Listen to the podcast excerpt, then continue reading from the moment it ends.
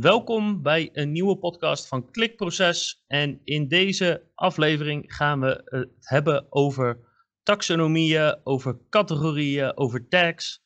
Ofwel, hoe deel je een webshop in? En in dit geval specifiek, hoe deel je een webshop in als je duizenden, tienduizenden, honderdduizenden producten op de webshop hebt staan? En dat doe ik natuurlijk niet alleen, want dat doe ik samen met Gerard van den Aarsen van Bax Music. Welkom Gerard. Dankjewel Bart. Dankjewel dat ik uh, deel mag nemen aan deze podcast. Ja, leuk. Ehm, een moeilijk onderwerp, een gecompliceerd onderwerp. Dus ik zou zeggen, laten we beginnen met dat jij je even voorstelt wie je bent en wat je doet. Yes, nou ik ben dus Gerard van der Aars. Ik ben SEO-marketeer bij uh, Bax Music tegenwoordig. Uh, voorheen Bakshop. Uh, ik ben daarin verantwoordelijk voor alles wat met SEO te maken heeft. Zowel het technische vlak, dus met mijn development afdeling en uh, content, met de copywriters die bij ons werken en onze vertalers voor de buitenlanden. Um, in die hoedanigheid werk ik dus met name op strategisch niveau, dus het aansturen van het development team en de copywriters, dat zij de juiste dingen doen voor SEO. En daar valt dus ook uh, het indelen van onze webshop in, in, in taxonomie, in categorieën. En die, in die hoedanigheid zit ik hier nu. Ja, zeker. Want uh, weet je ongeveer hoeveel producten en categorieën heeft Bax Music online staan? Als we uh, alle, alle talen bij elkaar optellen. Ja, dat is nog eventjes een goede inderdaad. We zitten in, in meerdere landen. Uh, in totaal hebben we 50.000 unieke SKU's, zoals wij dat noemen. Um, dat zijn dus ja, producten die we op voorraad hebben. Um, ja, en die hebben we dus in meerdere landen. Dus eigenlijk kan je, zou je kunnen zeggen dat we dat keer 7 hebben. Want ze zijn ook al in, in alle talen vertaald. Um, en die zijn dan weer onderverdeeld in categorieën. Dat zijn er zo'n uh, 1600 uit mijn hoofd gezegd. Um, van een hele grote categorie als uh, gitaar tot en met uh, het kleinste kabeltje waar dan bijvoorbeeld drie producten in zitten. Dus ja, het is nogal divers. Ja, dus 50.000 categorieën gedeeld door 1600, nee 50.000 producten gedeeld door 1600 categorieën. En dat dan in zeven talen. Ja, daar komt het eigenlijk wel op neer. Ja, en dan uh, is natuurlijk de eerste vraag: hoe deel je dat in? Waar begin je? Ja, allereerst heb je natuurlijk te maken met meerdere stakeholders. Uh, ik ben zelf natuurlijk verantwoordelijk voor SEO. Uh, dus ik vind eigenlijk het belangrijkste dat we kijken naar het zoekvolume, waar wordt op gezocht. En dan niet alleen in Nederland, maar ook in alle andere landen. Um, maar ja, ik heb ook te maken met specialisten, productspecialisten. Die vinden natuurlijk dat het vooral op technisch vlak moet kloppen. Uh, die zouden het liefst uh, uh, zelf de boom uit willen tekenen op basis van hoe, hoe, zij er met de vrienden over praten. Maar ja, op, op die manier ehm, verlies je vaak uit het oog waar de, tussen aanhalingstekens de normale muzikant in ons geval naar zoekt. En dus is altijd een overweging tussen, ja, hoe, waar wordt op gezocht? Wat, wat is technisch kloppend? Ehm, ja, maar ook waar bijvoorbeeld heel simpel, waar wordt het meest aan verdiend? Ja. Uh, ja. En hoeveel producten hebben we voor een bepaalde categorie? Want we kunnen wel een bepaalde categorie willen, maar als we er maar één product voor hebben, dan schiet dat ook niet heel erg op. Nee. Dus jij hebt te maken met verschillende ja, disciplines die daarbij komen kijken. Uh, ja, en dat is het spelletje eigenlijk wat, wat gespeeld wordt. En hoe, um, hoe pakken jullie dat aan? Is het, uh, is het zo dat jullie dan een meeting hebben waarin jij met een lijst met zoekwoorden komt en iemand anders een lijst met technische specificaties en dan ga je daarover sparren? Of, of hebben jullie daar een bepaald model voor?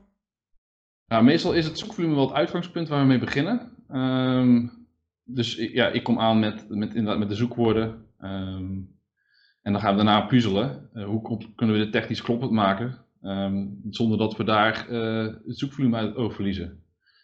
Dus uh, om een voorbeeld te geven. we hebben nu bijvoorbeeld de categorie gitaar. Dat is een hoofdcategorie. Uh, maar technisch gezien zou die misschien wel onder de categorie uh, muziekinstrumenten moeten vallen. Maar wij vinden dat zo belangrijk dat die categorie een niveautje hoger is gezet. Nou, technisch klopt dat misschien niet helemaal, maar ja, uh, het is zo'n belangrijke categorie voor ons dat we hem iets hoger plaatsen. En zo hebben we vaker dat soort afwegingen. misschien klopt het dan technisch gezien, volgens de puristen niet. maar ja, de afweging is altijd de vindbaarheid van de, voor de klant. Dat is eigenlijk het belangrijkste. Ja. ja. En daarin is zoekvolume nog een heel belangrijk. Het is gewoon een heel groot indicator van waar mensen naar zoeken. Ja, duidelijk. Um, dus het zoekvolume vormt een belangrijke basis. Maar stel dat er uh, heel weinig of geen zoekvolume op een categorie is, een, bijvoorbeeld een technische categorie, uh, maar er zijn wel genoeg producten om die categorie eventueel te vullen. maak je er dan een aparte pagina van of niet? Ehm, dat gebeurt ook regelmatig. Natuurlijk zijn niet alle categorieën even interessant vanuit zoekvolume oogpunt. Er zijn ook heel veel technische categorieën waar mensen niet zozeer in Google op gaan zoeken, maar die wel, um, ja, waar wel opkomt op onze shop zelf. Dat zien we natuurlijk ook. Uh, hoe vaak wordt een bepaalde categorie bekeken? Dat is natuurlijk ook belangrijk. Want je kan wel kijken naar wat gegoogeld wordt, maar mensen komen ook regelmatig naar onze shop toe. Het zijn de echte muziekspecialisten, die weten heus wel dat ene productje te vinden. Uh, ja. Dus ja, dat, dat soort categorieën hebben we ook. Dus, het is, dus het is ook een afweging qua conversie eigenlijk. Eh, qua conversieoptimalisatie, wat willen mensen gebruiken? Zeker weten, ja. Het zal uh, raar zijn om alleen te kijken naar het externe zoekvolume. Uh, de klikgedrag op onze website heeft daar zeker ook grote invloed op. En betekent dat dan ook dat als er niet op gegoogeld wordt, maar er wel een categorie voor is, dat die dan altijd op, op no-index bijvoorbeeld wordt gezet? Laat je die indexeren door Google? Um, meestal laten we het gewoon wel indexeren. maar het komt wel voor dat we bepaalde categorieën um, overlap hebben met andere categorieën. En dan kan het wel eens voorkomen dat we ze niet, op, uh, niet laat indexeerbaar laten maken. Uh, of dat we bijvoorbeeld een canonical opzetten naar de categorie die heel erg op lijkt. Dus dat is wel een afweging die af en toe gemaakt wordt. En dan zeg je, degene die geïndexeerd wordt, is puur gericht op Google, op het zoekvolume.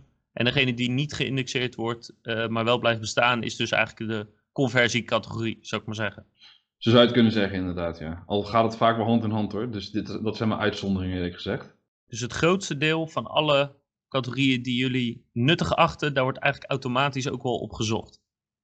Ja, ja, ja, ja. Je, hebt, je hebt uitzonderingen in de kleine categorietjes. Uh, wat het vaak ook is, je hebt bijvoorbeeld een akoestische variant en een elektrische variant. Um, ja, waarschijnlijk wordt, of vaak wordt bijvoorbeeld alleen op de elektrische variant gezocht. Maar ja, het zou raar zijn als je die splitsing dan niet maakt. Dus als je een akoestische variant hebt en een elektrische variant, tonen ze alle twee bijvoorbeeld. Dat is een afweging die we maken. Ja. En wat zie je als grootste uitdaging bij het maken van, of eh, bij, het, bij het bedenken van de indeling qua categorieën en de producten die eronder hangen? Dat is dus eh, met name uh, ja, het, het kloppend maken zonder dat je ja, het zoekvolume uit het oog verliest. En daarbij ook dat het niet te veel uit gaat wijden. Ik zie het, uh, taxium eigenlijk als een soort van boom van je webshop. Je begint uh, onderaan bij de wortel, de hoofdcategorieën. Uh, en langzaam uh, spreidt dat zich uit naar alle andere categorieën die eronder zitten. Ja, en zo, zo, zo moet je het eigenlijk indelen. En je moet dus eigenlijk zorgen dat je niet te veel zijtakken krijgt. Het kan soms van belang zijn dat je bepaalde categorieën op meerdere plekken terug laat komen. Maar het moet geen wildgroei worden van categorieën die overal terugkomen. En hoe hou je dat in de gaten? Heb, heb, je daar een gigantisch spreadsheet voor? Of een tool voor? Of? Ja, we hebben eigenlijk eh, letterlijk uitgetekend. Uh, en natuurlijk niet op detailniveau, maar wel de aftakkingen op uh, de eerste zoveel, eerste drie, vier niveaus. Die heb ik wel goed in kaart. Um, ja, en die basis moet gewoon niet, niet te veel uit gaan wijden. en verder is ook van belang dat het niet te diep wordt, zoals dat dan heet. Dus dat we niet categorie in categorie in categorie hebben. Een soort categorie inception, wat je wel eens bij sommige shops ziet. Ja, precies. Dat je vijf lagen dik, uh, diep uh, kan klikken. Precies, ja. En dan is vaak de afweging, uh, moeten we nu een categorie nog maken op dit niveau? Of misschien kunnen we nu beter gewoon filters maken. waar vroeger heel vaak werd gekozen voor een categorie, kiezen we nu vaker om gewoon filters te plaatsen en dan die pagina zelf te optimaliseren voor meerdere termen. In plaats Precies. van losse pagina's te gaan maken. Ja, dus dat is een, een interessant vraagstuk waar uh, zo'n beetje elke webshop die we ooit hebben gesproken of voor, werk of hebben gewerkt eigenlijk mee worstelt. Namelijk, uh, laat je filters laden binnen dezelfde pagina of zorg je dat daar een aparte URL voor is waar je mensen heen verwijst als ze een filter aanklikken. Of is er wel een aparte landingspagina voor bepaalde filters, maar stuur je mensen niet daar naartoe door? Uh, ja, dat is inderdaad een uitdaging. Uh, wat wij zelf in ieder geval hebben zijn de, de merken. Dat is natuurlijk eigenlijk de belangrijkste filter in dit geval. En dat zijn ook vaak uh, varianten, combinaties waarop gezocht wordt. Ehm, dus merk met categorie. Dat zijn eigenlijk pagina's waar we vaker voor kiezen om ze wel indexeerbaar te maken. Mm -hmm. Als ze daarop klikken, dus direct naar die betreffende pagina toe gaan. Voor alle andere filters doen we dat niet. Ehm, omdat we vaak in niches zitten waar die niet zo relevant zijn en waar niet veel op geklikt wordt. Dus ze zijn wel relevant om op te filteren bij de aankoop, maar je ziet eigenlijk dat dat vaak termen zijn waar niet op gezocht wordt. Dus ze moeten wel beschikbaar zijn in onze shop, maar het is niet zo dat we die openstellen voor zoekmachines. Dus als je bijvoorbeeld, hè, je, je, had het net over de gitaar, dus dan heb je de gitaarcategoriepagina en dan gaf je net aan, je hebt bijvoorbeeld de keuze uit uh, elektrisch en akoestisch, maar die zijn dan zo groot dat die een subcategorie worden. Ja, klopt. Maar, en dan zit ik op de elektrische gitaarpagina en dan heb ik daar een aantal filters en de filters van de merken, die zullen dus wel op de shop terugkomen als aparte categoriepagina, ja. maar een filter als ik weet niet zoveel van gitaren, maar laten we zeggen drie snaren of vier snaren gitaren. Uh, dat is geen indexeerbare pagina. Nee, klopt. Dat zijn meer longtail termen, uh, zoals ik ze dan uh, even noem, um, die we afvangen op bijvoorbeeld een keuzehulp of misschien wel in de tekst van de categorie zelf. Okay, er wordt echt wel op gezocht op aantal snaren, maar het zijn meer eh, ja, adviestermen, zoals ik ze dan noem. Mm -hmm. En je ziet eigenlijk dat in het aankoopgedrag en in het zoekvolume dat daar eigenlijk nooit uh, de koopintentie achter zit. Of vrijwel nooit de koopintentie achter zit. Dus we vangen dat verkeer zeker wel af, maar dat doen we op een andere manier. Ja, en waarom, waarom die keuze? Waarom zou je niet gewoon heel veel categoriepagina's maken om al die verschillende longtail termen op te vangen, bijvoorbeeld? Ja, dat zouden we natuurlijk liefst willen, dat we voor alles een pagina hebben. Um, maar dan kom je eigenlijk in de knoop met, je, met Google. Uh, het, zogenaamde crawlbudget. Uh, ja, Google komt één keer de zoveel tijd natuurlijk langs met een Googlebot om te gaan kijken hoe je website erbij staat, welke URL's je allemaal hebt, zijn er veranderingen. Um, en daar zit gewoon een maximum aan. En dat verschilt natuurlijk per shop. We hebben een hele grote shop, dus er worden best veel pagina's bekeken door, door de Googlebot. Mm -hmm. uh, maar daar zit een limiet aan. Um, ja, en, en, als je over die limiet heen gaat, worden er gewoon pagina's die je waarschijnlijk belangrijk vindt. Anders had je ze waarschijnlijk niet op je shop uh, worden dan gewoon niet meegenomen. Uh, dus het is altijd een spelletje van uh, ja, hoeveel pagina's bekijkt Google versus hoeveel bieden we aan. Ja. En hoe hou je dat in de gaten? Uh, gebruik je daar logfiles voor of Google Search Console of heb je tools daarvoor? Ja, Search Console is het, een goed beginpunt. Daarin zie je natuurlijk hoeveel pagina's geïndexeerd worden. Um, en dan zie je ook een aantal basisgegevens van, van het crawl-gedrag van, van, de zoek, van van Google. Ehm, tegenwoordig is het ook uitgebreid met bijvoorbeeld welke pagina's wel geïndexeerd worden, of wel gecrawled worden, maar niet geïndexeerd. Dus dat, dat wordt steeds uitgebreider. Ja. Um, dus dat is echt wel een, een, goede tool en steeds beter aan het worden. Dus ik moet zeggen, we hebben ook extended tools. Maar ik, ik betrap mezelf op dat ik steeds vaker Search Console, ja, dat ik die vaker, uh, steeds vaker gebruik voor dit soort uh, zaken. Uh, en daarnaast heb ik een, een, eigen crawl tool, zoals dat heet, waar ik in logfiles kan bekijken. En die kan ik naast mijn crawls van mijn webshop leggen. Dus ik crawl met een eigen bot onze webshop en die leg ik dan naast wat Google heeft gezien. Mm -hmm. Die manier ja te tegen te komen. Pagina's die gecrawled worden door Google die we niet willen. Bijvoorbeeld filterpagina's, wat wel eens voorkomt. Uh, een soort van lekken in je URL-structuur. Ja. Um, Precies, pagina's die niet door, door je robots.txt bijvoorbeeld goed zijn uitgesloten of waar de no-index tag vergeten is, zoiets. Bijvoorbeeld, ja. Um, en het komt ook soms wel eens voor dat er bepaalde uh, administratie, admin-URL's, dat die op een of andere manier ergens worden gelinkt of... Nou ja, het kan zo gek niet uh, gebeuren of Google... Ja, als er ergens een linkje naar staat, weet Google het wel te vinden. En als die er eenmaal in heeft gezeten, zoals het dan zo mooi heet, ja, dan is het lastig om hem daar uit te krijgen zonder dat je dat, uh, zonder dat soort tools. Ja, ik ja, zou het ja. ook nooit weten. Dus, uh... Ja, en met een shop die natuurlijk zo groot is en zoveel producten die weg worden gehaald en worden toegevoegd, kan er al, glipt er altijd wel ergens een keer iets doorheen. Precies, precies. Ja, onze shop in Nederland bestaat ongeveer uit, aan mijn hoofd gezegd, 500.000 URL's. Ehm, nou, Google ziet er daarvan ongeveer, of indexeert er daarvan ongeveer 120, geloof ik, 120.000. Uh, heel dat gebied wat daartussen zit, daar moet je natuurlijk goed op letten dat daar niet de verkeerde URL's worden gepakt. Ja. En ja, met zoveel URL's uh, is een foutje snel gemaakt. Ja, ja, ja. En um, dus 1600 categoriepagina's en 50.000 SKU's.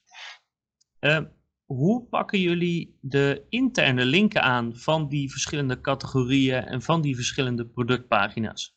Hebben jullie daar een vaste strategie in of uh, doet de shop dat automatisch? Of hoe zit ja. dat? Je hebt natuurlijk inderdaad uh, onze CMS die zelf een structuur uh, heeft. We hebben hoofdcategorie en daaronder vallen subcategorie. En die worden eigenlijk automatisch aan elkaar gelinkt. Via de breadcrumb, via categorie overzichtspagina's. ehm, via de producten. Ehm, dus op die manier zijn die aan elkaar gelinkt. Dat, dat eigenlijk uh, semi-automatisch. Um, daarnaast komt het natuurlijk voor dat je een categorie hebt die qua taxonomie niet aan elkaar zijn gelinkt, uh, maar wel met elkaar te maken hebben. En dan kiezen we gewoon voor een handmatige link. Kan je een voorbeeld geven?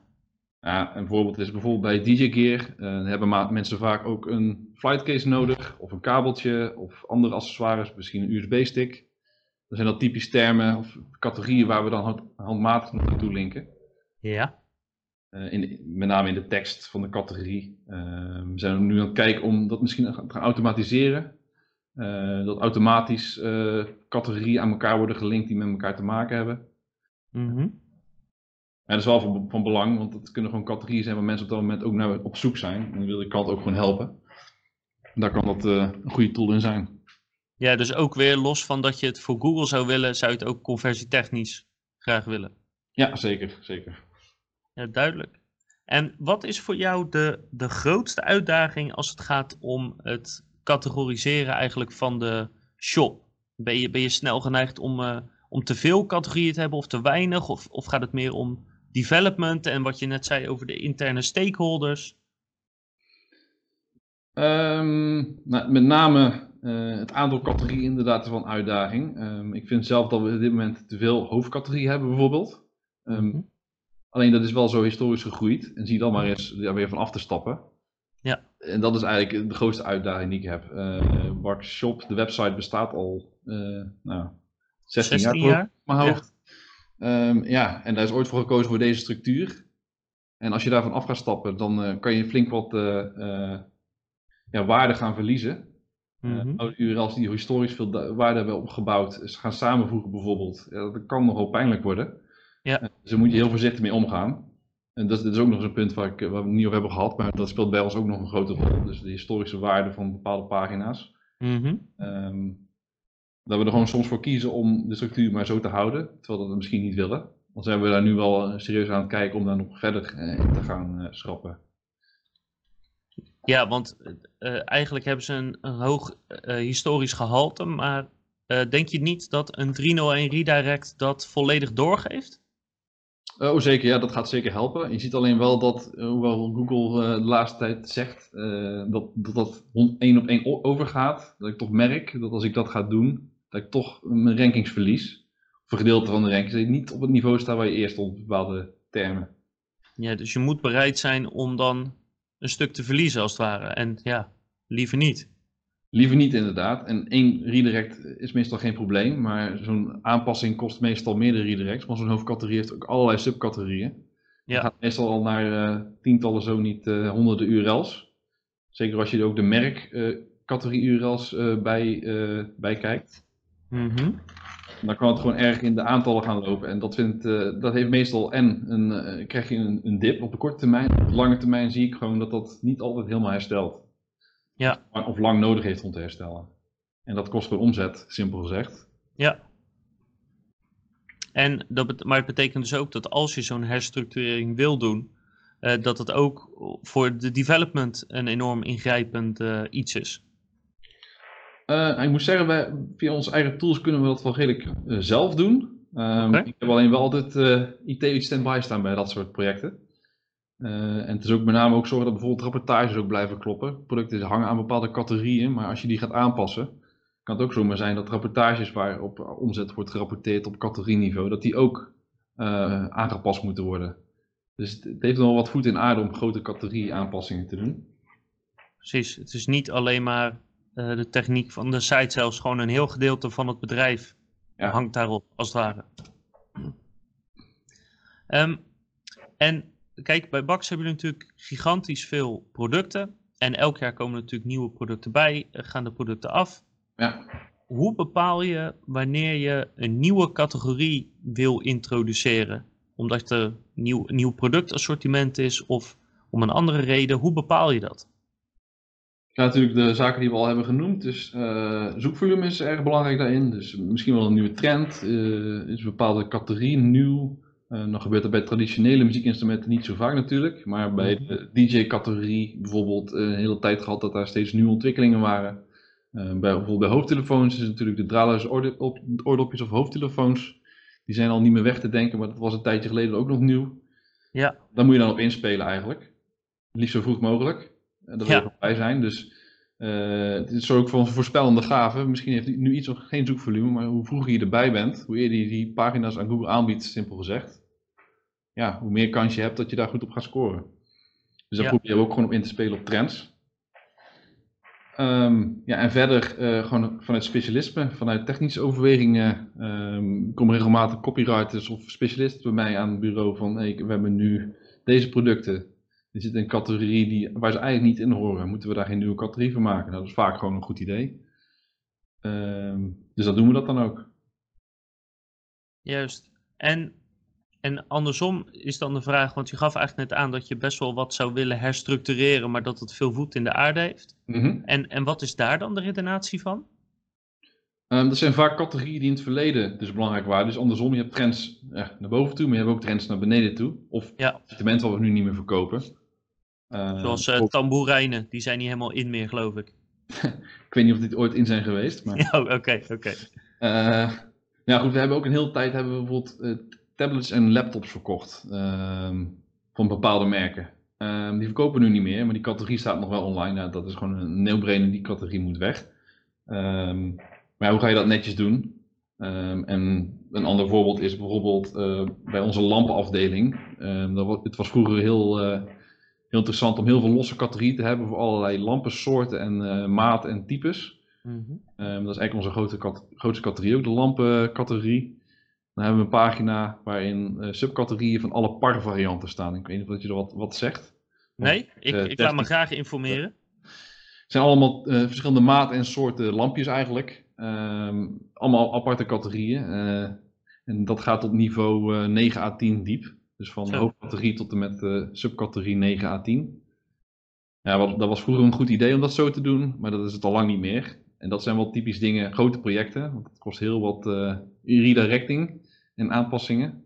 Ehm, dat zijn grote projecten waar we wel tegenaan hikken, wat we gewoon op moeten pakken. Ja. Eh,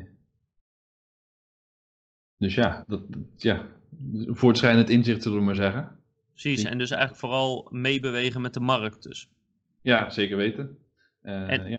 En eh, kan je aangeven eh, welk gedeelte of, of hoeveel procent van je tijd ben je bezig met eigenlijk dit werk? Dus het nadenken over categorisering, wat moet erbij, wat moet eraf, Z- zijn de trends, zulke zaken. Eh, even kijken, nou ja, eh, ik denk ongeveer in combinatie met alles wat met de content ook om die pagina's heen te maken heeft. Ik denk dat ongeveer zo'n 20% van mijn tijd, dus één dag in de week ongeveer wel mee bezig ben.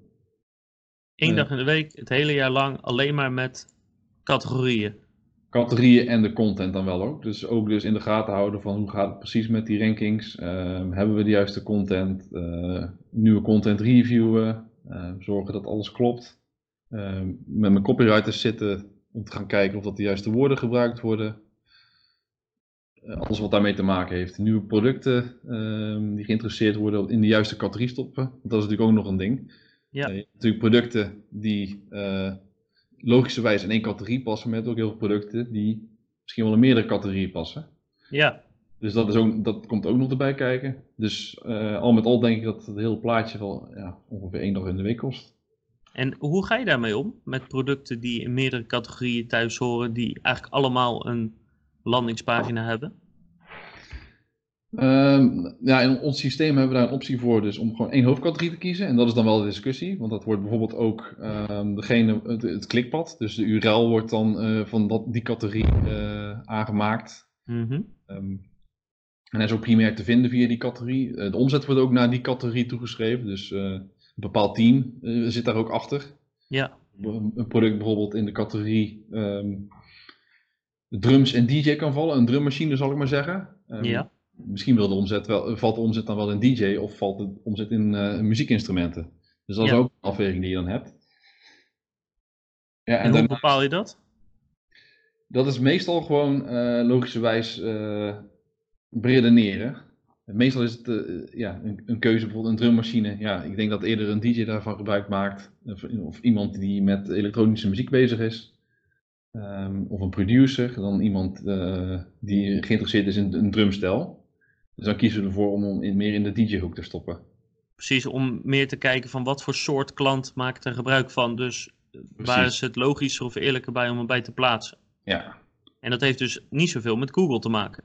nee, dat klopt. Ehm, dus in dat geval maakt het in principe voor Google niet uit in welke categorie die zit, omdat die toch ook in die andere categorie komt. Omdat wij de Ja. optie hebben om secundaire categorieën toe te voegen. Oftewel de tags die je dan meegeeft aan een bepaalde product. Eh, Ja. Dat het product dus niet alleen in de ene categorie hoort, maar dat die ook via de andere categorie gevonden kan worden. Dat die daar dus ook in de filterpagina staat. Ja. Ehm, nou noemde je net eh, eh, eh, dat je ook rekening houdt met de content op de categoriepagina's en of die goed staan. Eh, hoe doen jullie dat überhaupt? Kan je daar iets over vertellen? Hoe optimaliseren jullie categoriepagina's? Ehm, het begint met een plan. Dus eh, zorgen dat je precies weet wat binnen die hoofdcategorie allemaal eh, ja, qua zoekwoorden eh, op gezocht wordt. Wat we dan gaan doen is het indelen van die zoekwoorden in verschillende clusters. En dat worden eigenlijk de categorieën. Ehm, dus op die manier kunnen we dan gaan kijken of dat, dat technisch dan weer klopt. Dan ga ik met mijn specialisten dus zitten. Ik heb de, vanuit zoekvolume oogpunt heb ik deze indeling gemaakt. En gaan, ja, dan gaat er nog een technisch eh, aspect bij kijken van, ja, dit klopt misschien wel technisch niet helemaal en daar komen we uiteindelijk wel uit. En dan tekenen we dat uit en eigenlijk worden dan al die zoektermen die we dan hebben gevonden, of alle termen die ermee te maken hebben, worden dan ingedeeld in die categorieën. En daar wordt tekst omheen geschreven.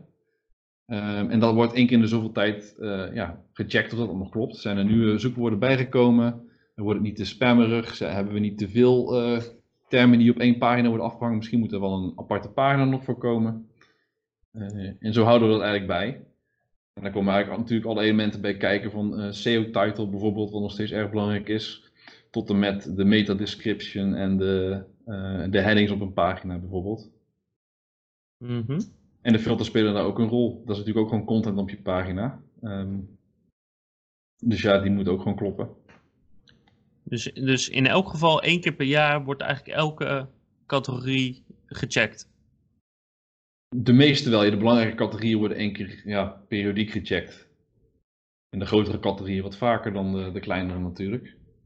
En, en kan of, of wil je daar nog wat, eh, wat concreter in zijn? Ik, ik zit even te denken aan vragen die veel gesteld worden. Dus eh, bijvoorbeeld je, je zoekwoordverwerking of de lengte van de teksten.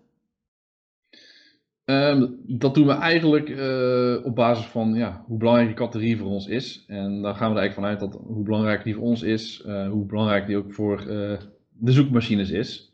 Mhm. Eh, daar kan je natuurlijk hele formules op loslaten, maar dat vinden wij eigenlijk te veel werk, zal ik maar zeggen. Voor ons is het gewoon een, een grote categorie met veel zoekvolume en veel omzet, verdient gewoon een, een, een langere tekst. Oké. Daar gaan we ook, ook meer tijd in, dus dan gaan we ook echt de longtail verder uitwerken. Ehm, en op die manier eh, ja, rolt er dan een tekst uit. Het is niet zo dat bijvoorbeeld een categorie met x zoekvolume 200 woorden moet zijn en een categorie met eh i zoekwoorden of eh, zoekvolume ehm, een, een lengte van 500 moet hebben. In de praktijk zal het misschien wel zo uiteindelijk zijn, maar we hebben daar geen stelregels voor of iets dergelijks. Precies, het is meer aan, als in de aandacht die een, een copywriter eraan wil geven om hem zo goed mogelijk te maken.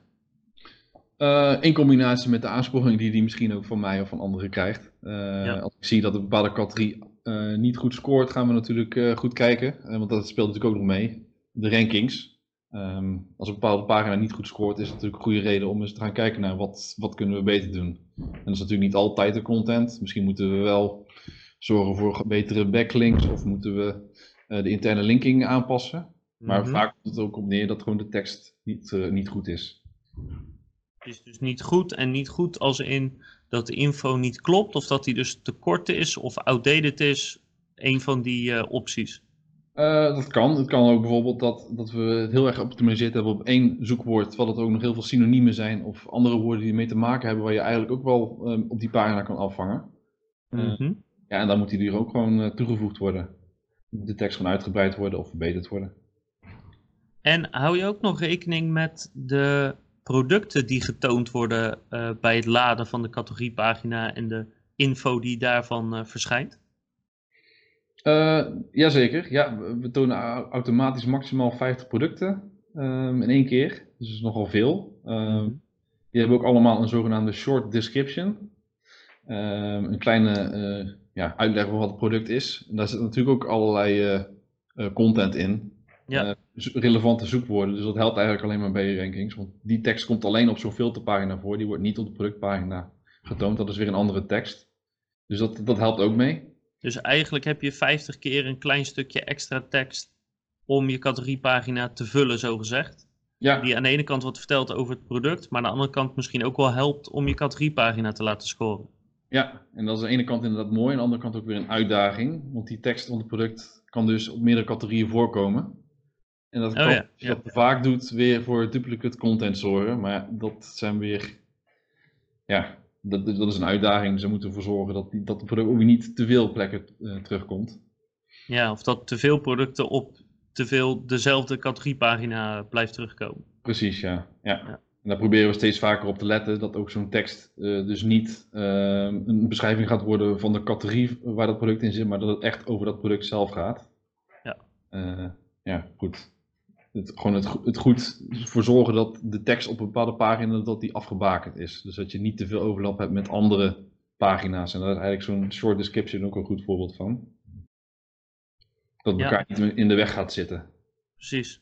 Maar dat, eh, dat is dus eh, niet zo dat dat echt door een tool gegenereerd wordt. Dat is dus nog veel handwerk. Veel handmatig kijken, klopt deze pagina of niet? En gaan we, gaan we de goede kant op of niet? Eh, hoe bedoel je eh, handmatig checken? Nou, ehm, het is niet zo dat je. eh, nou, handmatig checken bedoel ik dat je echt een categoriepagina opent. Hè, dus de Mhm. gitaar waar we het bijvoorbeeld over hadden, of de elektrische gitaar. En dat je dan kijkt wat wordt er weergegeven en hoe goed is dat. Ten opzichte van dat er een speciale software tool is die alle pagina's in de gaten houdt. En hoeveel producten op hoeveel categoriepagina's komen. En of dat dan klopt. En wat dan je keyword density is, zeg maar. Zulke zaken. Ehm, nou ja, goed, eh, daar gebruik ik regelmatig wel tooltjes voor, maar dat zijn niet, geen tools die op de automatische piloot op de achtergrond draaien. Precies. Eh, eh, we hebben een eigen CMS die dat, die dat niet doet. Ik ben eerlijk gezegd ook niet zo van die fan, die dat, fan van dat soort automatische plugins, bijvoorbeeld voor WordPress, waarin je dan ziet dat je bepaalde score hebt gehaald. Mhm. En vaak is dat een eigen keyword wat je in hebt gegeven, waar je dan gaat checken hoe vaak dat voorkomt. Ja, goed, dat had ik zelf ook wel handmatig kunnen doen. Eh, ik vind het altijd een beetje een schijnzekerheid die je dan krijgt. Van, ik heb een score van 100%. Maar wat betekent dat nou eigenlijk? Ik denk dat je dan te makkelijk erover gaat denken. Eh, Zo'n score van 100% is ingegeven op eigen ingevoerde data. Mhm. Ehm, er zijn wel steeds betere plugins en tools, moet ik zeggen. Ehm, maar ik blijf nog steeds bij dat het, het handmatig werkt, dat het eigenlijk een, een, een ambacht blijft. Zo'n tekst die je Mhm. schrijft. En we hebben gelukkig een heel groot team met copywriters die dat doen. Eh, en op die manier kunnen we dat handwerk ook leveren. Ja, want de software is gewoon nog niet goed genoeg eh, om, om dat bij te houden. In elk geval niet op de schaal waarop jullie opereren. Eh, ja, ik- misschien is- zijn die tools er wel, ik ken ze alleen nog niet. Ehm Ja, precies. gebruiken ze in ieder geval niet. Nee, nee. En, ehm, en het gebruik van afbeeldingen en video's op categoriepagina's, hoe sta je daar tegenover? Eh, afbeeldingen staan er sowieso altijd. Natuurlijk van de producten die er zijn. Ik denk dat dat het belangrijkste is, dat mensen producten zien. Ehm, verder gebruiken we eigenlijk eh, geen andere afbeeldingen. Dus af en toe wel eens een banner staan, daar blijft het eigenlijk wel bij. Ehm, video experimenteren er wel eens mee, eh, maar vind ik eigenlijk ook niet de plek om dat daar te tonen. Ik, Op eh, een categoriepagina. categoriepagina. We hebben er eigenlijk andere pagina's voor, ehm, waar we dat wel doen. Wat op productpagina hebben we productreview staan. op een eh, keuzehulp hebben we afbeeldingen staan. Eh, ja, op die manier eh, hebben we dat ingeregeld. Ja. ja, precies. Dus video's spelen qua categoriepagina niet, geen grote rol. Meer echt voor de producten. Ja, ja het, het kan natuurlijk wel. ehm, ja, ik, ik zie dat niet als de plek om dat daar te doen. En, en het verfilmen van bijvoorbeeld zo'n keuzehulp, zou dat niet iets kunnen zijn? Ja, ja, dat vind ik zeker interessant. Ehm wij hebben het nu, doen we het af en toe. Ehm, alleen we hebben die connectie nog niet gelegd. Dus het is niet zo dat zo'n filmpje ook nog eens dan op zo'n pagina staat. Dus op YouTube hebben we flink wat tutorials en uitleggen staan. Ehm, die overigens wel op ons blog ook bijvoorbeeld terugkomen, maar met de keuzehulpen nog niet. Dat is zeker wel iets voor in de toekomst om te gaan doen. Eh, alleen ja, we hebben ook heel veel producten die binnenkomen waar we ook heel erg graag een review van willen hebben. Dus altijd de afweging van wat is nu, Ja. nu de prioriteit. Ja, want, want voor iedereen die uh, luistert of, of, kijkt, maar dat niet weet, um, op elke categoriepagina, uh, of vrijwel elke categoriepagina, hebben jullie een keuzehulp. En dat is een best wel groot stuk content die een bezoeker helpt om te beslissen wat is voor mij geschikt. Zeg ik het zo goed? Ja, klopt. Ja. Dus in eerste instantie inderdaad om de klant te helpen. En daarnaast is het uh, voor mijn professie, dus de SEO, een hele mooie plek om longtail uh, termen kwijt te kunnen. Ja. Maar dat betekent dus dat traditioneel gezien zijn de meeste categoriepagina's zeg maar nou ja, 300 woorden is al veel. Ja. En als je geluk hebt staat er een afbeelding bij. Maar jullie categoriepagina's zijn dus bijna standaard al een stuk groter, omdat jullie een complete keuzehulp aanbieden. Ja, alleen dat zijn het wel weer losse contentpagina's, dus het is een apart URL. We bieden die content niet aan op de categorie zelf, wat je ook wel eens ziet. Oké. Okay. Um, en dat doen wij bewust, omdat, uh, omdat wij denken dat dat een ander publiek ook uh, uh, bedient. Mm -hmm. Dus mensen kunnen er wel naartoe vanuit de categorie, maar je ziet vaak ook dat via Google komt er ook veel verkeer op, via zoekmachines. En dat zijn vaak mensen die wat langer lezen, wat langer bezig zijn met oriënteren, klaarblijkelijk. Dus lang op zo'n pagina zitten. Um, en dat is voor ons een teken dat mensen daar echt nog op zoek zijn naar informatie. En dat is toch echt ander publiek dan het publiek wat al weet wat hij wil hebben en meteen tot koop overgaat. Dus vandaar dat we die eigenlijk de, uh, gesplitst houden. Natuurlijk maar... kunnen we daarna wel meteen overgaan tot koop, want overal wordt gelinkt naar ja, waarover gesproken wordt. Dus bijvoorbeeld uh, hoeveel snaren moet mijn gitaar hebben? Nou, er staan meteen linkjes naar de aantal snaren. Dat mensen meteen wel tot kopen over kunnen gaan. Uh, maar de content is wel op een aparte pagina aangeboden. Juist. En hoe bepaal je dan, uh, op welke zoekwoorden richt je dan de categoriepagina in en op welke zoekwoorden richt je dan de keuzehulp in? Of is dat op dezelfde zoekwoorden? Uh, dat zijn zeker niet dezelfde zoekwoorden. Uh, er zit natuurlijk wel overlap in, want het zou gek zijn als het niet over hetzelfde zou gaan. Uh, maar we proberen eigenlijk altijd de categorie meer in te richten op, op, op de basiskeyword, dus de grote zoekwoorden. Dus bijvoorbeeld bij gitaar gaat het over logischerwijs gitaar en alles wat daar dichtbij ligt. Mm -hmm. En bij de keuzehulp gaan we meer uitweiden over de houtsoort, aantal snaren, ehm, wat voor accessoires heb je er precies nog bij nodig? Waar moet ik precies op letten? Welk model moet ik hebben? Dus ga je echt meer de diepte in. Dus eigenlijk ook nog steeds wel alles wat, wat gitaar als zoekwoord in zich heeft, maar dan echt de, sowieso qua customer journey de informatieve zoekwoorden, de oriënterende. Ja. En uh, gewoon veel meer de longtail. Ja, precies, precies. Dus zou je kunnen zeggen dat de, de shorttail uh, die traditioneel vaak, vaak koopzoekwoorden-achtig zijn, dus gitaar, gitaar kopen, goedkope gitaar, dat die op de categoriepagina komen en dat alle longtail op de keuzehulp komt? Is dat, uh, ja, dat kan je dat zo stellen? Uh, Zwart-wit gezegd is dat de indeling inderdaad. En wat je dus vaak wel ziet, en als we geluk hebben, is dat we met de categoriepagina dus op één staan op die shorttail keywords en dat daar vlak achteraan onze keuzehulp komt. Dat is eigenlijk de ideale situatie. Ja, dat, dat je, je zo... twee uh, naar boven komt. Juist. En op, op hoeveel zoekwoorden richt je een categoriepagina in? Heb je daar een bepaalde standaard voor van minimaal 1 en maximaal 3 bijvoorbeeld? Of? Daar zit zeker wel een maximum in. Um, dat, en dat verschilt erg per categorie. heb je bij kleinere categorieën waar minder producten in zitten en waar je eigenlijk al van afvraagt van moeten we deze hebben of niet, komt het wel eens voor dat het uh, wat breder is. Uh, dan wanneer bijvoorbeeld je een heel duidelijke categorie hebt, bijvoorbeeld gitaar. Ja, daar gaat het over gitaar, dat is heel logisch. Ja. Um, en dan ga je gewoon echt heel erg gericht op gitaar, gitaar kopen um, en dat soort termen zitten. Ja, en je hebt natuurlijk heel veel subcategorieën om uh, gitaarachtige woorden ook nog op op te vangen. Ja, precies. En die ga je wel zijdelings noemen, maar je gaat er niet verder op in. Dus het zal ja. gek zijn als je op een gitaarpagina niet ook uitlegt dat we akoestische en elektrische gitaren hebben.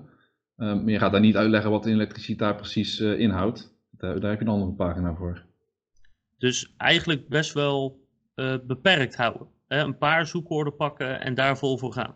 Ja, zeker, zeker. Behalve als je die andere pagina's natuurlijk niet hebt. Dat ik bijvoorbeeld aangaf, een, een categorie. Dus waar, ja, waar meerdere producten op staan, dan moet je misschien verder uitweiden. Waar je ook geen andere pagina's voor hebt. Dan loont het juist wel om al die short termen te gaan noemen. Ja, Dat- want dan, ja, als je het daar niet doet, dan doe je het nergens. Precies, en dan is de kans misschien niet zo groot dat je echt heel goed gaat ranken, maar dan sta je er in ieder geval wel, laat ik het zo zeggen. Ja, precies. En wat ik wel interessant vind, maar eh, ehm, ja, het, ik weet niet of je er antwoord op wil geven. Ehm, hoe druk zijn jullie met concurrenten? Hoe, hoe erg kijken jullie naar de concurrentie op het moment dat je bezig bent met het eh, verbeteren van een pagina of het maken van een categoriepagina? En de, eigenlijk de reden dat ik de vraag stel is dat in mijn beleving heel veel webshops eh, bijna altijd één een soort grote rivaal hebben die Mhm. ze drie keer per dag controleren om te zien of ze niet twee woordjes hebben gewijzigd. Mhm. En eh, nou ja, daar, daar verbaas ik me altijd eh, over. Eh, hoe kijken jullie naar je concurrentie in Google? Ehm, nou, dat zijn wel inspiratiebronnen natuurlijk. Het zou gek zijn als je er niet naar kijkt. Ehm, dus ik check ze regelmatig. En ze komen ook natuurlijk naar voren als je zo'n zoekwoordonderzoek gaat doen. Ga je eens even kijken waar, waar zij precies zich op richten. Mhm. Maar het is, het is nooit een eindpunt, het is altijd een startpunt eigenlijk. Dus het is meer een in- inventarisatiefase. Want ja, voor hetzelfde geld hebben, doen ze ook maar wat. Eh, en altijd even checken hoe het precies zit. Eh, zijn het inderdaad termen waarop gezocht wordt? Ehm, is dit de beste schrijfwijze? Eh, moet ik deze oplossing van categorieën van maken? Ik zal het nooit één op één overnemen in ieder geval. Nee, dus eigenlijk zeg je, we kijken wel naar concurrentie, maar meer om te beginnen van, nou, wat, wat hebben zij of wat doen wij? En dan zelf te gaan kijken, zijn we het daarmee eens? Of eh, gaan we het anders doen en hoe kunnen we het beter doen? Ja, dat sowieso altijd beter natuurlijk. Ja, Eh, ja, en soms verbaas ik me over concurrenten die eh, een hele lap tekst bij een bepaalde categorie hebben, heeft eh, staan waar ik van denk, volgens mij had je hier die tijd niet in hoeven steken. En bij andere categorieën die heel belangrijk voor ons zijn, hebben zij dan heel weinig tekst staan. Ja, dat zijn misschien afwegingen die ik niet, eh, niet kan volgen, maar misschien is het voor iemand anders heel logisch om het zo te doen. Dus altijd even checken hoe het precies zit. eh, eh, ja. Qua check, checken hoe ze het doen, maar niet te veel laten leiden. Nee, precies. Altijd je eigen plan trekken. Ja, helder. Ehm, dan had ik nog eh, een, een andere vraag die ik veel hoor. En dat is dat er heel veel tijd en energie gaat zitten in het technisch goed krijgen van een categoriepagina. Eh, d- dan kan je bijvoorbeeld denken aan canonical tags, maar ook aan la- laadsnelheid, eh et cetera. In hoeverre ben jij daarmee bezig? Met het checken van de techniek, met het verbeteren daarvan, et cetera? Ja, zoals ik zei dat ik één dag in de week bezig ben met alles wat met categorieën en content van die categorie te maken heeft. Zo ben ik misschien wel twee à drie dagen bezig met de technische aspecten. Dus ja, daar ben ik zeker mee bezig. Ehm, en wat, zijn dan belangrijke dingen? Ehm, nou, om ervoor te zorgen dat je bijvoorbeeld, eh, eh, nou ja, je noemt het canonicals al, zodat je geen duplicate content op je shop hebt staan. Ehm, dat, eh, dat, dat filters dat die eh, niet geïndexeerd worden. Ehm, zorgen dat eh, dus Google de juiste pagina's kan vinden. Een voorbeeld te geven, we hebben pas, eh, nou, ik moet even beginnen met het begin. We hebben heel veel merkcategorie combinaties. Dus van elke categorie, als daar een product van een bepaald merk in zit, hebben we ook daar een merkcategorie pagina voor. Dus bijvoorbeeld een Mhm. Pioneer Digicontroller pagina. ehm, waar dan een product invalt. Die hebben van alle merken en categorieën. En we hebben ook zo'n, even uit mijn hoofd gezegd, 2000 merken. Dus zo'n 1600 keer 2000 merken. Heel veel merkcategoriepagina's. Ja, Die stonden in het verleden allemaal open om, voor Google om te crawlen. Terwijl dat eigenlijk 95% maar eh, relevant was. Qua zoekvolume, qua hoe vaak ze bezocht worden, qua omzet. mhm. Daar hebben we eigenlijk mes in gezet. Dus eigenlijk alle pagina's die niet bezocht werden of nauwelijks bezocht werden, zit nu allemaal een no-index op. Door, door dus- mensen bedoel je dan bezocht of door Google? Ehm, met name door eh, in eerste instantie hebben we gekeken dus of dat er bezoekers opkwamen. Ja. Dus ons- onze bezoekers van onze website. Ehm, en of wat die categorie eventueel potentie heeft qua SEO. Want het kan natuurlijk zijn dat we gewoon nog niet goed, goed genoeg scoren. Dus het zoekvolume wat erop zit. Ehm, en daarnaast ook gekeken hoe ziet Google deze pagina nu. Eh, maar in, dit- in dit geval vond ik het belangrijk om te kijken. Komt er verkeer op en is er potentie om dat, of dat er verkeer op komt. En is dat niet het geval, ehm, hebben we ervoor gekozen om die dus uit de index te halen van Google. Dus er is veel geschrapt de laatste tijd. Precies, veel geschrapt. En dat betekent dus dat je eh, weer een stuk effectiever wordt qua eh crawlbudget. En zo zijn we eigenlijk altijd bezig om dat soort eh, dingen door te voeren. Ehm, Met zoveel URL's op onze shop uh, heb je altijd wel nog een, een, een, plek waar je kan optimaliseren. Maar in dit geval betekende dat dus gigantisch veel URL's gewoon eruit snijden, zodat uh, Google zich be uh, meer bezighoudt met wat voor jullie belangrijk is. Ja, precies. En ook om dit voorbeeld even nog af te maken. Um, Google kwam daar eigenlijk ook vrijwel nooit op die pagina's, want het waren uithoeken van, van onze shop. Mm -hmm. combinaties die automatisch gegenereerd zijn, maar die eigenlijk gewoon voor niemand relevant zijn. En dat snapt Google tegenwoordig steeds beter ook. Als een pagina voor de bezoeker niet relevant is, dan ziet Google heel snel ook dat die voor hem ook niet relevant is, voor hun. Juist. Dus het was eigenlijk gewoon uh, loze ruimtes die in werden genomen. Ja, dus techniek speelt echt een hele grote rol, maar dat is dus, gaat zowel over het crawlbudget. Uh, ik kan me voorstellen dat interne linken daar ook een rol in speelt. Ja, zeker. Um, sitesnelheid bijvoorbeeld, zulke aspecten? Ja, dat is ook iets wat we natuurlijk uh, constant monitoren. Nou is dus daar uh, SEO niet de enigste in die daar zich mee bezighoudt. Ons development team uh, houdt zich daar ook mee bezig. Dat is een van hun KPI's, om het zo te noemen. Mm -hmm. Dus alles wat we doen, testen we op dat dat niet te veel impact heeft. En we proberen ook alle load die op onze site zit, zoveel mogelijk ja, slim in te richten. door middel van allerlei technieken die je ervoor toe kan passen. Waar ik niet alles van weet, maar waar ons development, development team heel goed van op de hoogte is. Um, ja, en zo proberen we dat, uh, onze website zo snel mogelijk te houden. Dus leuke yes. textuurtechniek is, is altijd leuk om even goed uh, te checken of dat het wel uh, kan qua snelheid. Ja, precies.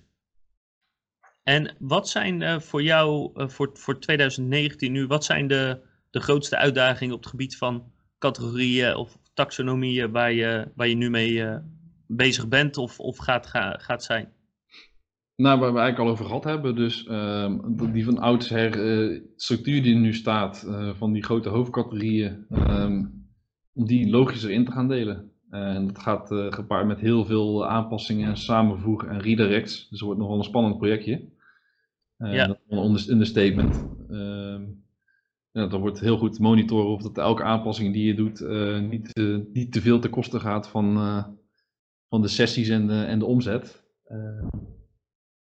Dus ja, iets waar je op de korte termijn waarschijnlijk wel pijn van gaat hebben, maar op de lange termijn alleen maar plezier. Ja. Dus uh, ja, dat wordt wel erg spannend. En dan zit je 2019 meteen al voor een groot deel vol. Um, op dat gebied wel, ja. ja. En dat gaat ook weer gepaard met allerlei technische aanpassingen die we gaan doen. Um, om altijd weer onze shop beter te maken. Dus uh, ja, uitdagingen genoeg. Juist. Um, dan vroeg ik me ook nog af. Want je gaf aan helemaal aan het begin van het gesprek dat jullie in zeven landen zitten. Ja. Hoe pak je de categorisering aan per land? Hebben jullie gewoon zeven keer exact dezelfde shop? Scheelt dat per land? Uh, weet je, is het gewoon vertalen en gaan? Hoe, ja, hoe doe je dat? Ja, uh, nou we hebben dus ook vertalers voor onze, voor onze buitenlanden uh, en wat copywriters ook voor de buitenlanden. Uh, maar eigenlijk is op dit moment wel Nederland de basis. Dus uh, als een categorie in Nederland uh, is, is die hier in het buitenland ook vaak. Um, we wijken daar wel eens van af. Um, maar in de meeste gevallen is die structuur, klopt die in het buitenland ook wel. Met hier wat nuanceverschillen, nou wat nuanceverschillen. Zoals bijvoorbeeld DJ Gear in Nederland veel populairder dan in pak een beet Spanje. Mm -hmm. um, maar dat betekent niet dat je zo'n categorie niet, niet moet hebben. Dus het kan wel zijn dat we daar andere keuzes maken qua content, maar het is niet zo dat we daar een hele andere shopstructuur hebben. Dat zou ook uh, in ons geval iets te veel werk zijn om dat overal uh, anders aan te gaan pakken. Precies, dus je zet wel de, dezelfde shop neer, maar eigenlijk de optimalisatie daarna, dus bijvoorbeeld de content en misschien ook het linkbeelden, dat uh, is dus waarschijnlijk weer afhankelijk van de zoekvolumes bijvoorbeeld, de omzet. Ja, zeker, precies. Ja. Dus bijvoorbeeld onze vertalers in Frankrijk die krijgen ook de opdracht om bepaalde categorieën aan te pakken. Omdat we zien dat daar uh, ja, in, in, Frankrijk meer potentie in zit dan in Nederland. Dan gaan we daar gewoon uh, meer aandacht aan besteden. Dus dat, ja, dat wijkt wel af. En Juist. hetzelfde geldt dus ook voor, voor linkbuilding. Uh, daar kunnen ook zomaar andere categorieën zijn die daar belangrijk in zijn. En sowieso is onze situatie in Nederland anders dan in Frankrijk. In Frankrijk zijn we relatief een jonge speler, dus dan moet je ook op andere manieren nog naar boven zien te komen. Terwijl we in Nederland een gevestigde naam zijn. Dus dat speelt ook nog mee. Ja, helder. Um, dat was, ik, ik zit even mijn lijstje door te lopen, maar dat is eigenlijk alles wat ik kan bedenken om te vragen over categorieën en taxonomieën. Uh, heb je zelf nog uh, dingen die belangrijk zijn om te melden of waar andere mensen iets aan kunnen hebben? Um, nou, ik denk dat we het belangrijkste wel hebben gehad. Um, ik denk wel dat wat, wat, heel belangrijk is om nog in de gaten te houden, is dat uh, hoewel Google steeds slimmer wordt, um, moet je Google altijd nog wel helpen. En daar bedoel ik eigenlijk mee dat je de termen die, waar je van denkt dat het synoniemen bijvoorbeeld zijn van categorieën, um, er wordt gezegd van ja, synoniemen, dat snapt Google tegenwoordig wel. Maar ik merk nog steeds dat als ik bijvoorbeeld een synoniem, um, een categorie, een bepaalde naam heeft, bijvoorbeeld in ons geval hoofdtelefoons, en ik noem op de pagina nergens koptelefoon, dan ga ik daar niet op scoren. En dan is dit wel een heel erg makkelijk voorbeeld. Mm -hmm. Als ik diezelfde koptelefoon in, de SEO-title zet, uh, scoor ik van de een op de andere dag sta ik in één keer in de top 10. En dat, dat soort voorbeelden heb ik vaker meegemaakt. Dus uh, ga er niet vanuit dat Google alles snapt. Soms heeft Google nog wel een, wat hulp nodig. Precies, dus zo duidelijk mogelijk maken als je het maar kan doen, nog steeds. Ja, zeker weten. En het moet niet te spammerig worden. Dus ga niet, uh, als je ziet dat een bepaalde manier van schrijven zoekvolume heeft, ga dan niet krampachtig zoiets in een bepaalde zin proberen te verwerken, waardoor die zin voor geen meter loopt. Dat heeft Google tegenwoordig wel door. Um, maar synoniemen bijvoorbeeld, synoniemen bijvoorbeeld, dat is af en toe nog wel lastig. Ja, om Google duidelijk te maken dat de pagina over nou ja, allebei de woorden gaat. Precies, precies. En hetzelfde geldt ook voor Engelse termen bijvoorbeeld. Uh, heel veel categorieën worden ook in het Engels, uh, in, in, Nederland ook in de Engelse variant gezocht. Als je dat niet, niet noemt op je pagina, is er grote kans dat je ook niet naar boven toe komt. Uh, in het verleden deden we dat niet, maar ik zie dat het tegenwoordig, als ik het doe, dat het gewoon echt meteen werkt. Dus ja, waarom zou je het dan niet doen? Ja. Uh, liefst heb ik, heb, heb, ik dat soort dingen niet. Het zijn ook min of meer oude trucjes. Uh, maar ja, soms moet het nog steeds. Soms moet het nog steeds. En zeker als je een site hebt die zo groot is als die van jullie en met jullie autoriteit, dan zie je dus bijna per direct daar de voordelen ja. van. Ja, dat is dan het voordeel van een uh, shop met uh, veel historie en autoriteit. Dat je daar meteen het effect van ziet. Maar ik denk ook voor kleinere webshops, misschien dat het iets langer duurt, maar help Google af en toe een handje. En uh, state the obvious, zoals ik het zo maar even mag noemen. Ja, ja, ja, ja, precies. Even die open deur intrappen, heeft Google af en toe even nodig. Juist. Nou, dat lijkt me een hele goede afsluiter. Gerard, heel erg bedankt voor je tijd. Ja, graag gedaan. Echt leuk. Super interessant. Goed om te horen. Zeker uh, interessant om te weten hoe je dat op die schaal aanpakt. En dan nog eens uh, in zeven landen tegelijk. Ja, ik graag gedaan. Uh, echt leuk. Dan is dit de afsluiter. En zorg er natuurlijk voor dat je de volgende keer weer luistert of kijkt. Want we gaan nog veel meer podcasts opne opnemen. En nog veel meer advies over SEO, over conversieoptimalisatie, over YouTube en over voice search.